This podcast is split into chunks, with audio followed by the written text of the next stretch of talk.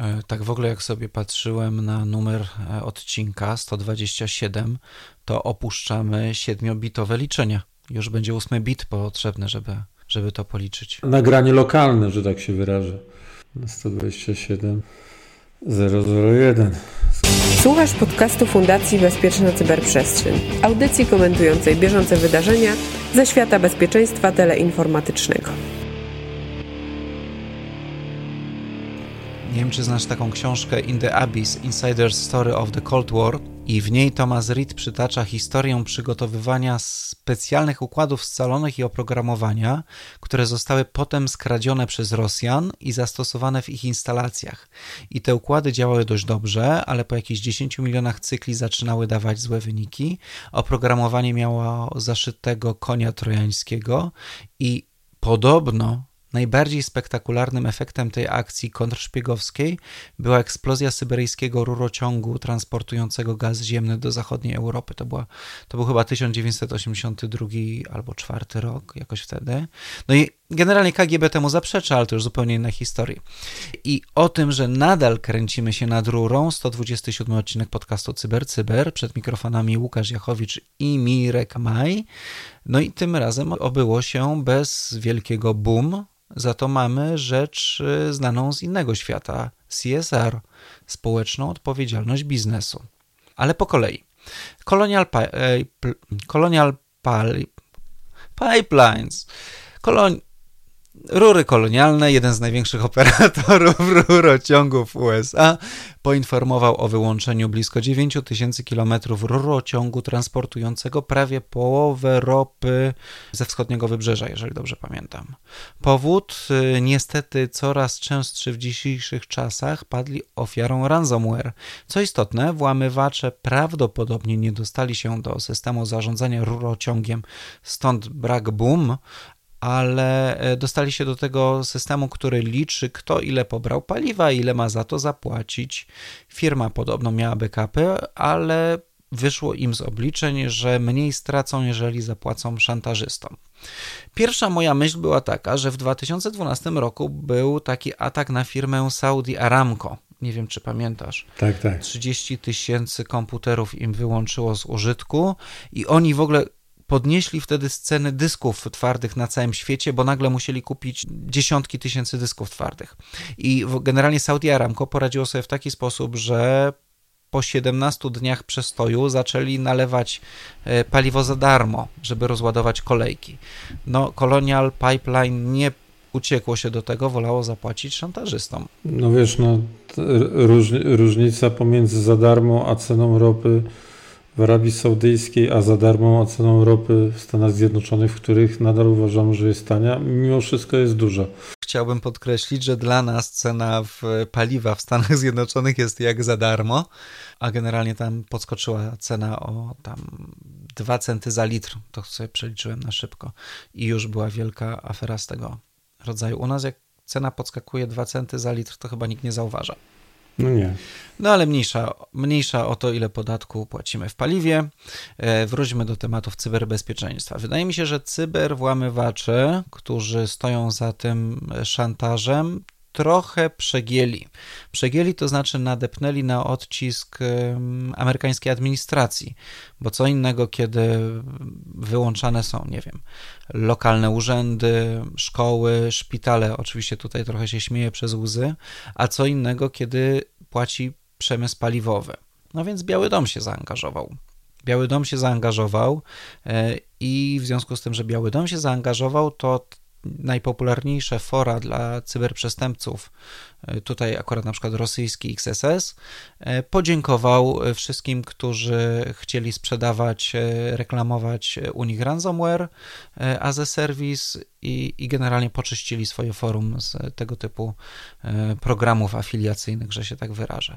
Także dzieje się. No trochę chyba rzeczywiście strach zajrzał w oczy tym, którzy to zrobili. E, ponieważ no, wydali też coś w postaci takiego oświadczenia, jakiegoś ma manifestu, że, e, że no, są oczywiście apolityczni i nie, nie uczestniczą w żadnych tego typu działaniach. Poza tym, e, no, są wręcz, no nie wiem jak, czy użyć tego słowa, no ale właściwie podkreślali w bardzo dużym stopniu swoją etykę biznesową, jeżeli chodzi o e, zachowania. I powiem szczerze, że tak to, to mówię z lekkim sarkazmem, ale jak to wszystko czytałem i tę historię w ogóle ich postępowania, ich e, takiej polityki właśnie quasi biznesowej, bo nie można tego prawdziwym biznesem nazwać przecież przy, przestępstwa, no to aż nóż otwiera się w kieszeni, bo to jest po prostu tak obrzydliwe, przepraszam za to wyrażenie, ale takie miałem, miałem sko, skojarzenia, że zastanawiałem się nad przyczynami te, tego, skąd się bierze takie po prostu myślenie, które właściwie już zahacza o próbę przedstawienia tego całego zdarzenia i tego swojego postępowania i swojej działalności e, no, jako czegoś zupełnie normalnego, jako kolejnej gałęzi biznesowej, w której bardzo jasno się mówi o tym, jaki jest nasz rynek docelowy, tak, jakie mamy e, stawki, że postępujemy tak i tak, e, żeby ofiary mogły zapłacić, żeby to nie, nie wywalało ich biznesu zupełnie, i tak dalej, i tak dalej. No jest to po prostu straszne w ogóle i, i z, bardzo miałem złe samopoczucie, jak to, jak to musiałem czytać. No ale trzeba to czytać, żeby wiedzieć, co się po prostu w tej kwestii y, dzieje. Ale rzeczywiście jest tak, że chyba trochę się przestraszyli. Ja myślę, że i tak w ten sposób nie uniknęli. Y, myślę, że czegoś, co powstało w administracji, w, y, i w służbach e, amerykańskich, czyli bardzo wysokiego poziomu determinacji w ustaleniu tego, e, jak do tego doszło, no dlatego, że no mieliśmy tutaj do czynienia po prostu z, z materializacją ryzyka na tego najwyższego poziomu, tak? blisko tego najwyższego poziomu i na pewno jak znam Amerykanów, no to mimo takiej dużej wpadki, no bo to jest duża wpadka dla systemu amerykańskiego, który często jest chwalony że za to, że się infrastrukturą krytyczną zajmuje, bo na przykład e, bardzo często jest podawane to, że, że właśnie w Stanach Zjednoczonych jest coś takiego jak ICS CERT, czyli Industrial Control System CERT, no to to jest duża wpadka dla tego systemu i na pewno nie zostawią tego bez, od, bez odpowiedzi i dociekań. Przy czym istotne jest y, to, że to jest firma całkowicie prywatna. To nie jest tak, że y, infrastruktura krytyczna, przesyłowa związana z paliwem należy choćby pośrednio do państwa. To jest prywatna firma, ona tam chyba w latach 60. powstała, co oczywiście nie zmienia faktu, że Biały Dom już od kilku miesięcy pracuje nad y, takim task force'em związanym z ransomwarem, takie partnerstwo publiczno-prywatne, bo tam e, w jego wkład wchodzi Amazon, Microsoft, Cisco, FBI, e, też brytyjscy e, specjaliści od bezpieczeństwa państwowi, ale teraz mocno się też Biały Dom zaangażował i nawet no, powiedzmy przede wszystkim, kto prawdopodobnie stoi za częścią techniczną. Zanim to powiem, to jeszcze na chwilę bym wrócił do tego, o czym tutaj właśnie za, zaczęliśmy rozmawiać. To tak, to, to, jest firma prywatna, no ale to generalnie rzecz biorąc, nie tylko zresztą w Stanach Zjednoczonych, chociaż myślę, że tam bezsprzecznie, no infrastruktura krytyczna e, jest w rękach prywatnych. Myślę, że nawet w naszych warunkach w dużym stopniu, no oprócz tego, że mówimy o tak zwanych spółkach Skarbu Państwa, prawda,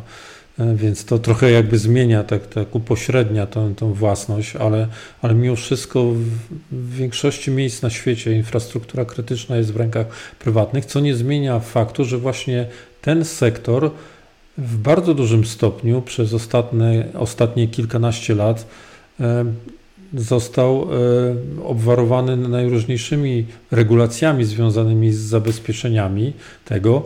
No i nie wiem, czy zwróciłeś uwagę, dla mnie to była zaskakująca informacja, że no w ramach tego dociekania, co tutaj się stało przy okazji Colonial Pipeline, Pipelines, e, że e, ustalono, że to ryzyko związane z cyberatakiem nie było częścią kalkulacji i tych planów awaryjnych, jak postępować. To znaczy nie, nie, nie było takiego scenariusza, tak? co zrobimy w momencie, kiedy nasze systemy zostaną e, sparaliżowane poprzez e, cyberatak. Tak, i aż no dla mnie to było szokujące, aż e, sobie skonsultowałem to, to szybko z, z Pyznarem, który też przecież często w naszych podcastach występuje, a, a kiedyś liderował takiemu zespołowi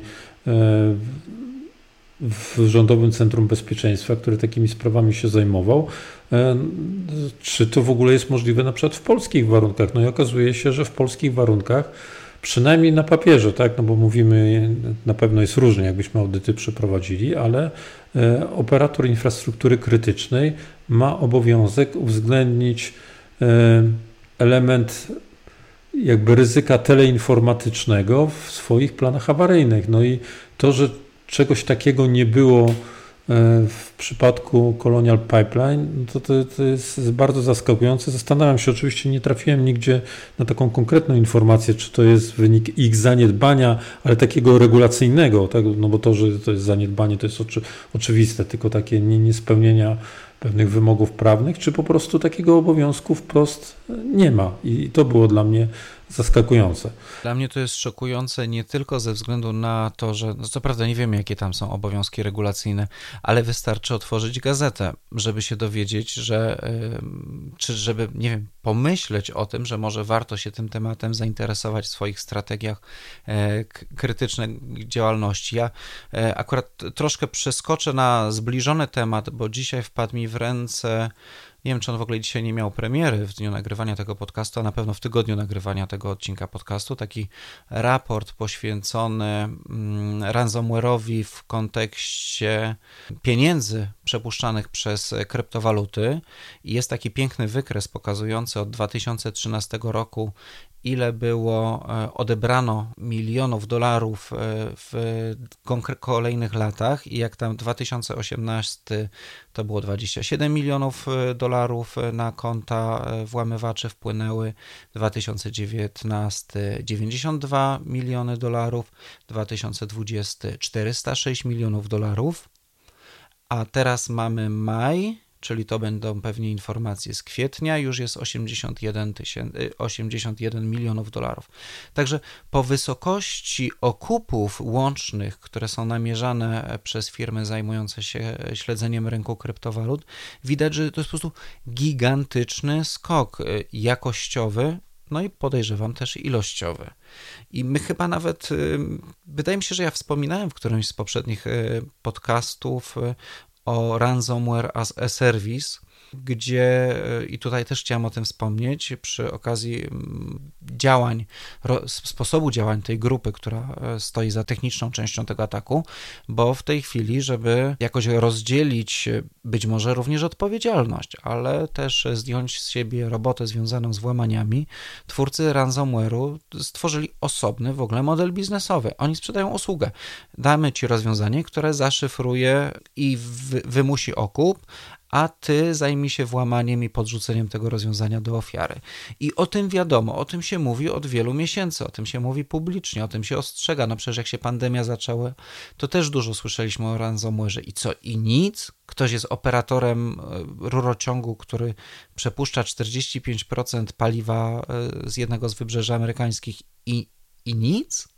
Żadnej strategii? Tak, no bo jeszcze sobie powiedzmy jedną rzecz, to y, wracając do tych regulacji, no to, to, to jest tak oczywiście, że no bądźmy uczciwi, to, że nawet ktoś uwzględni, to nie znaczy, w swoich planach awaryjnych, to nie znaczy, że on na pewno sobie od razu poradzi, jak, jak coś takiego się wydarzy.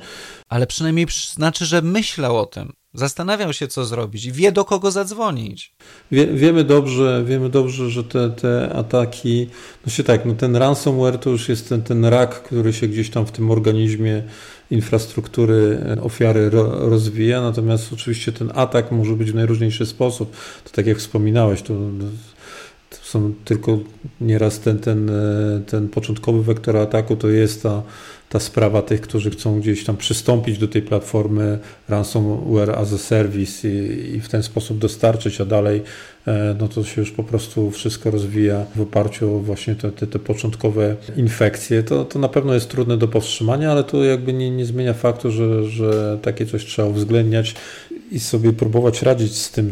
Zresztą pewnie jeszcze gdzieś tam na koniec naszej dyskusji wrócimy do tematu, jak sobie próbować z tym radzić. Te, te liczby, y, które podawałeś dotyczące wzrostu no, skuteczności, niestety skuteczności tych przestępców, jeśli chodzi o pozyskiwanie kasy z ransomware'u, no, są przerażające. Ja myślę, że one też zadziałały mocno na wyobraźnię decydentów i dlatego powstały takie, takie grupy współpracy, które mają spróbować powstrzymać ten proceder, ograniczyć go przynajmniej, tak bo łatwo go nie będzie e, powstrzymać. No i tutaj widzimy, jak to jest dobrze zorganizowane. No, ty właśnie mówiłeś o tym, o tym modelu biznesowym. To jest taki model technologiczno-biznesowy, bardzo, bardzo rozwinięty, w którym pewne zasady w ogóle funkcjonują. Tak przynajmniej twierdzą też ci, którzy to, to organizują. Tak? No teraz oni na przykład przy tej okazji z, e, z, zapewniali, zapewniali, że ich intencją generalnie nie jest e, to, żeby utrudniać życie społeczeństwom, tak, ludziom, tak, no, tym, tym obywatelom końcowym i, i wezmą to pod uwagę w następnych przypadkach, będą to na, temu się pilnie e, przy, e, przyglądali, no ale to są kompletne bzdury, no trzeba to od razu sobie powiedzieć, no bo gdyby w ogóle tym się przejęli, no to przecież natychmiast by odstąpili od tego ataku, tak, no nic nie stało na przeszkodzie, żeby tak e, zrobić, a wcale nie, nie odstąpili, no, no powiedzmy, że, że, że kwota, którą ostatecznie zapłacono, no bo też, też musimy o tym wspomnieć, że, że tutaj ten okup został zapłacony, wszystko na to wskazuje, no to jest mniejsza niż pewnie żądano, znacznie, znacznie mniejsza. Natomiast no, no absolutnie... No ale koszty im pokryło. E, ale o jakie? A no koszty, tak, no to, to, koszty są minimalne, biorąc pod uwagę te, te, nawet jeżeli to e, się, e, że tak powiem, Znowu zawsze mam dylemat, czy używać tych, tych terminów z, prawdziwego biznesu, no ale ta, tak trochę jest, że to się e, profesjonalizuje w sensie takim, że tam wszystkie te elementy znane z takiego normalnego biznesu też są uwzględniane. Tu, tu przy okazji można było się też właśnie dowiedzieć, jak takie platformy działają, jak one są rozbudowywane.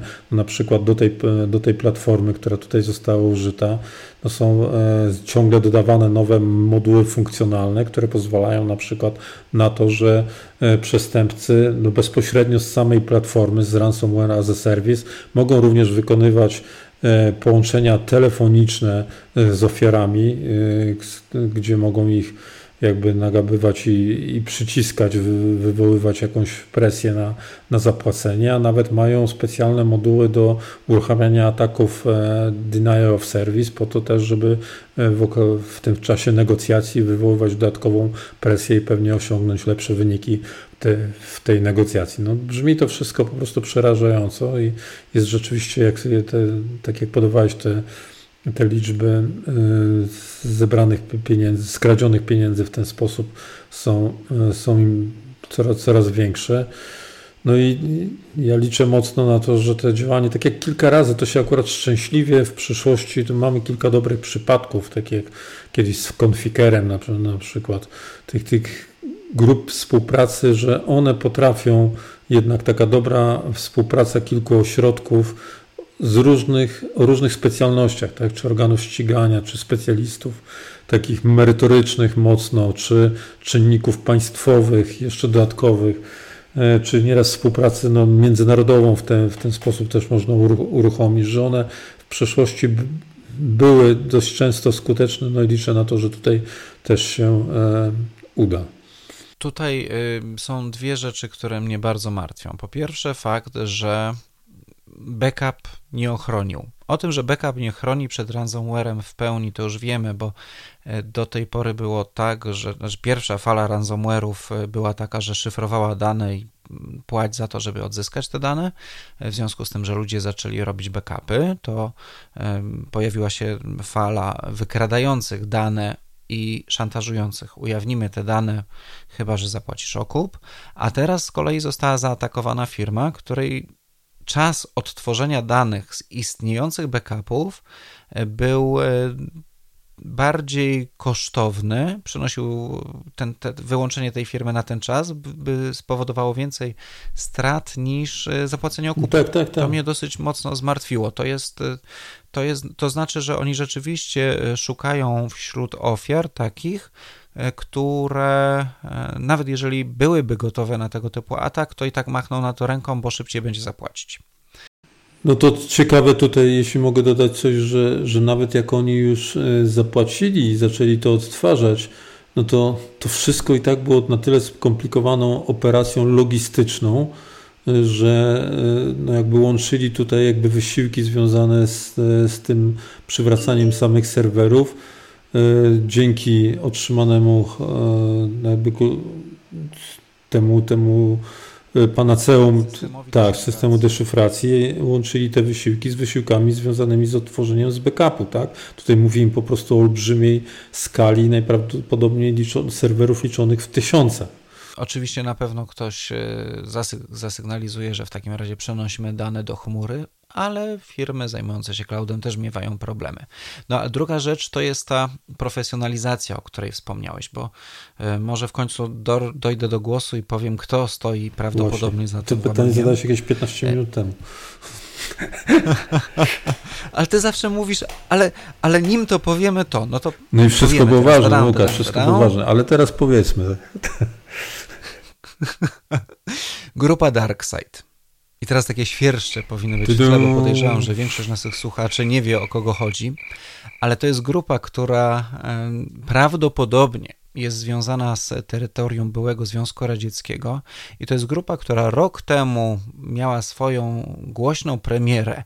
I używam tu słowa premiera nieprzypadkowo, ponieważ oni pojawili się, przedstawili swoje usługi, które chcą świadczyć na e, czy słowo rynek jest dobrym określeniem? No już. No wśród tak. przestępców w każdym razie. E, I, ale zaczynali jak porządny startup. Obiecywali profesjonalizm, obiecywali, że ich e, użytkownicy będą z, nie będą mogli atakować organizacji związanych ze zdrowiem, szkół, czy też organizacji mniej zasobnych w gotówkę, no bo pomijając wszystko inne to się nie opłaca. A nawet tu we wstępie do, do epizodu wspomniałem o CSR, czyli, czyli e, społecznej odpowiedzialności biznesu. Tu oni e, chcieli nawet część tych haraczy, które uzyskają, odpalać na cele charytatywne i nawet wysłali do kilku organizacji łącznie 20 tysięcy dolarów, ale te organizacje charytatywne, kiedy się dowiedziały, że to są brudne pieniądze, e, odesłały te pieniądze i nie chcą mieć wspólnego nic z, z cybermafią. E, no i, i znów zadział, dział, dział PR-owy zadział, zadziałał po tym zainteresowaniu się Białego Domu i powiedział, że e, będą teraz bardzo dokładnie sprawdzać, kogo atakują ich użytkownicy, żeby to nie były. I tutaj między kilkoma kategoriami tak cichutko przemycili e, instytucje państwowe. Tak, no i oprócz tego pojawiła się na chwilę informacja, jakoby przedstawicieli Darkside'u, że ktoś e, zabrał im dostęp do serwerów, do pieniędzy, te pieniądze gdzieś przepłynęły, ale ta informacja bardzo szybko zniknęła z forów internetowych i grupa wygląda na to, że działa dalej, więc pytanie, czy to była próba ukrycia gdzieś się i, i pokazania, że oj, my już nawet nie mamy tych pieniędzy, więc ich nie szukajcie, czy, czy o co właściwie chodzi, to tego nie wiemy. No wiesz, nie, nie wiemy, ale tutaj ja często, często e, korzystam z takiego mojego, z jednych moich ulubionych e, cytatów, że nie wierzę niezdementowanym informacjom. To e, bardzo fajny, fajny cytat jest i, i tutaj oczywiście kto zdementował jakikolwiek swój udział w tym, w tym procederze nasz ulubiony rzecznik Kremla, który zawsze nam idzie w sukurs i wyjaśnia wszystkie nasze problemy. No, Dmitrij Pieskow oczywiście poinformował, że no to, to proszę w ogóle tutaj nie, nie, kojarzyć tego z nami, bo to jak zwykle, jak zwykle nie my i jak zwykle w przeszłości wszystko to też nie my. Więc e, no, nie chcę tutaj, bo tu rzeczywiście może być taka, taka droga trochę dalsza, tutaj, tutaj, tutaj jest biznes, ale ja przypominam coś, co istnieje. No ni niestety e, nasi przyjaciele za wschodniej granicy e, mają taką, znaczy może niestety albo stety, bo oni bardzo często stosują pewne mechanizmy i bardzo długo je stosują i w ogóle od nich nie odchodzą, dlatego że mają też taką politykę, że zaprzeczania wszystkiemu i to powoduje, że nie muszą od czegoś odchodzić, nie muszą czegoś zmieniać, bo, bo i tak po prostu się tym nie przejmują. Ktoś im tam mówi, że tak jest, a oni mówią, że tak nie ma i, i dalej to stosują. I oni mają od wielu, wielu lat, jeszcze od czasów, to chyba najbardziej wyszło na jaw takiego e, RBN-u, e, nie wiem czy pamiętasz takie, takie czasy, Russian Business Network, e, który wtedy był taką dosyć zwartą quasi-organizacją, a myślę, że ona jakby w sposób może mniej zwarty, bardziej wirtualny do dzisiaj istnieje, w, która, w której obowiązywała prosta zasada. Dostajesz taki license to kill, w sensie license to cyber, e, cyber attack, cyber criminal, po prostu activity, dlatego że w momencie, kiedy my Ciebie potrzebujemy, bo my mamy po prostu operację state sponsor, no to po prostu Cię wykorzystujemy i nikt nie zadaje tutaj żadnych dodatkowych y, pytań. Jest to bardzo tanie, bo kosztuje zero najprawdopodobniej, tak, i kosztuje tylko przyzwolenie na to, żeby pewne rzeczy, e, pewne rzeczy e, robić. Natomiast to się kiedyś list kaperski nazywało. Korsarze dostawali taki.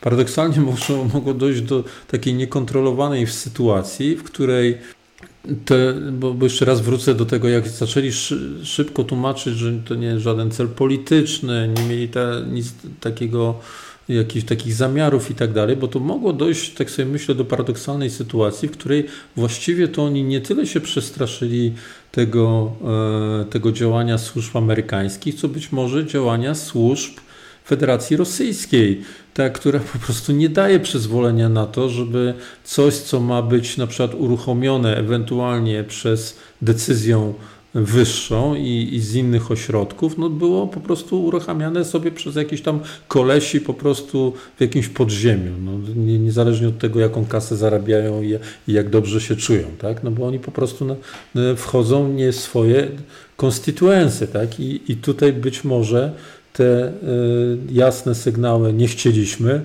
to było po prostu chronienie się zupełnie przed y, konsekwencjami z innej strony, tak sobie myślę. Nawiązując do początku Twojej wypowiedzi, nie wierzę w informacje, e, które nie zostały zdementowane i pana Dmitriego Pieskowa, to ja chciałbym przypomnieć taki dowcip z lat 80., e, z czasów, kiedy Andropow był e, najpierw szefem KGB, potem był chyba gensekiem i on podobno narzekał, że E, strefy czasowe strasznie dużo kłopotów mu przysparzają. Że dzwoni do Pekinu e, z gratulacjami z okazji wyboru Deng Xiaopinga, tam mówią to było wczoraj, dzwoni do Rzymu z kondolencjami po zamachu na papieża, tam pytają jaki zamach. No widzisz, no widzisz, no, to jest trudne. Także tak, oczywiście wierzymy panu, e, panu Pieskowowi, że oni nie mają nic z tym wspólnego i takich hakerów w każdym w sklepie z włamywaczami można kupić. To teraz już można zrozumieć, dlaczego na wszystkich dworcach w byłym Związku Radzieckim jest ta sama godzina, tak? ta sama strefa czasowa. Przynajmniej jak wysiadali oficjalnie, to, to, to mogli się czuć bezpiecznie, że są dalej w, w Moskwie. Łukasz, myślę, że nie jeszcze to, to wiem, że już dużo rozmawiamy y, y, o tym, no bo tak, bo z, z jednej strony to, to no, Super ciekawy, niestety super ciekawy, no ale to, to zawsze trzeba próbować to pozytywnie wykorzystywać, jak już mleko się rozlało. To, przy, przypadek. Z drugiej strony trochę z tym przypadkiem jest takim, że tu jakiś nie było fajerwerków, tak? To po prostu ransomware i tak dalej. Ta otoczka, o której głównie rozmawialiśmy, chyba jest najbardziej ciekawa. Natomiast jednak bym na chwilę wrócił jeszcze do warstwy merytorycznej i powiedział o tym, co zostało zaatakowane. To trochę jest inaczej niż było w Arabii Saudyjskiej, no bo tu jednak doszło do tego przeniknięcia e, tego zagrożenia e, do obszaru infra- e, tak, tak zwanego ICS-owego, Industrial Control System, bo tam zostały no, zainfekowane również stacje obs obsługujące ten Human Machine Interface, czyli już bardzo istotny element jakby zarządzania systemami przemysłowymi, ściśle ściśle prze, przemysłowymi. E, tam również e, doszło do, do infekcji no, innych urządzeń, które już były dokładnie w tym, w tym obszarze ICS-owym. I to jest, myślę, że to warto podkreślić, żebyśmy o tym nie zapomnieli, że to jest taki no, namacalny, zmaterializowany dowód na, e, na to, że wszelkie historie o separacji środowiska IT i środowiska ICS to są historie, e, którym, do których trzeba mieć bardzo duży dystans. E, i zapewnień, że takie coś jest, no bo to właściwie się prawie zawsze słyszy, jak od, od tych, którzy zarządzają sieciami przemysłowymi, nasza sieć jest odseparowana. Tak, ja słyszałem to, to już nie raz. Ja nawet nie chcę jakby dyskutować z tym, czy, czy w konkretnych przypadkach, czy tak jest, czy tak nie jest. Nie chciałbym, żeby ktoś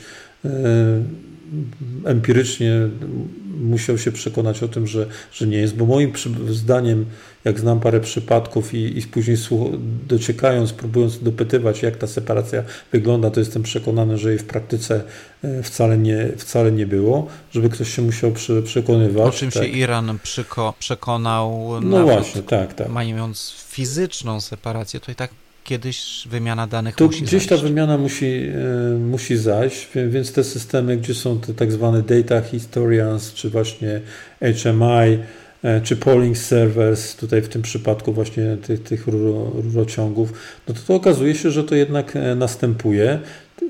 I tutaj trzeba powiedzieć o tym, że jednak ta separacja to jest jedna, zresztą w rekomendacjach tutaj się jasno pojawia, tak? że, to, że to jest bardzo ważne zagadnienie i temu trzeba się bardzo dokładnie przyglądać. I to nie jest takie, e, takie proste, więc jak ja miał wstawiać no, takie rekomendacje, to bym powiedział, że po prostu, no tak sobie wymyśliłem nawet takie, no, żeby ktoś przyszedł i po prostu, e, kto zarządza tymi infrastrukturami, tak czarno na białe podpisał się, że, że takie po prostu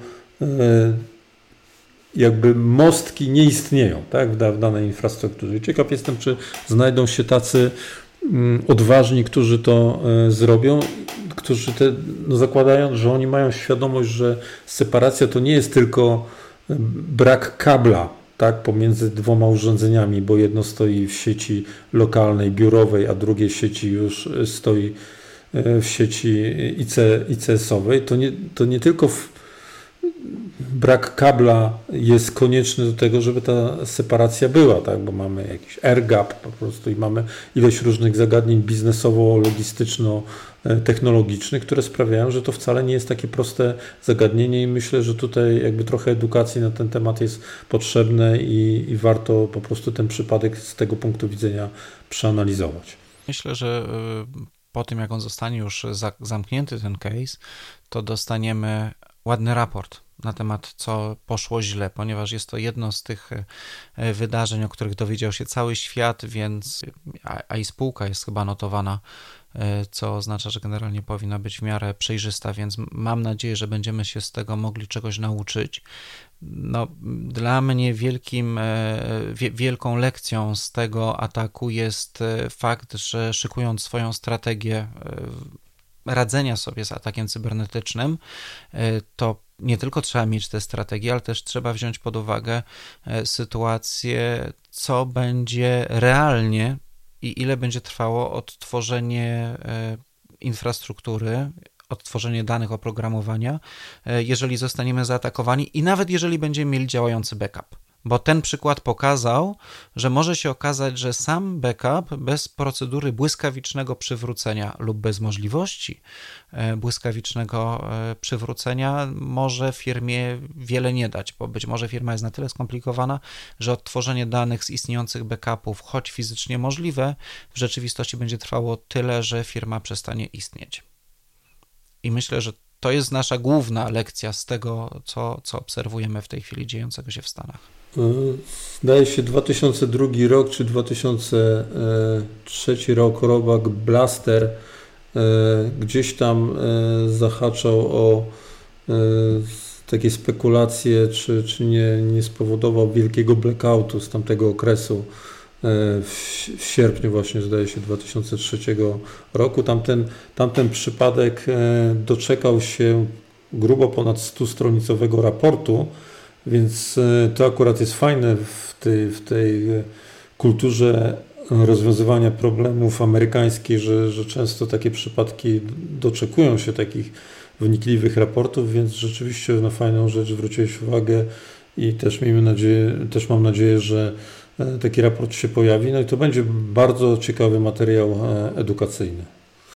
To prawda. Przy okazji, tradycyjnie jak raz na kilka miesięcy zajrzałem na blog Security Twittera, gdzie w dalszym ciągu widnieje obietnica, że przygotują raport techniczny z incydentu wakacyjnego.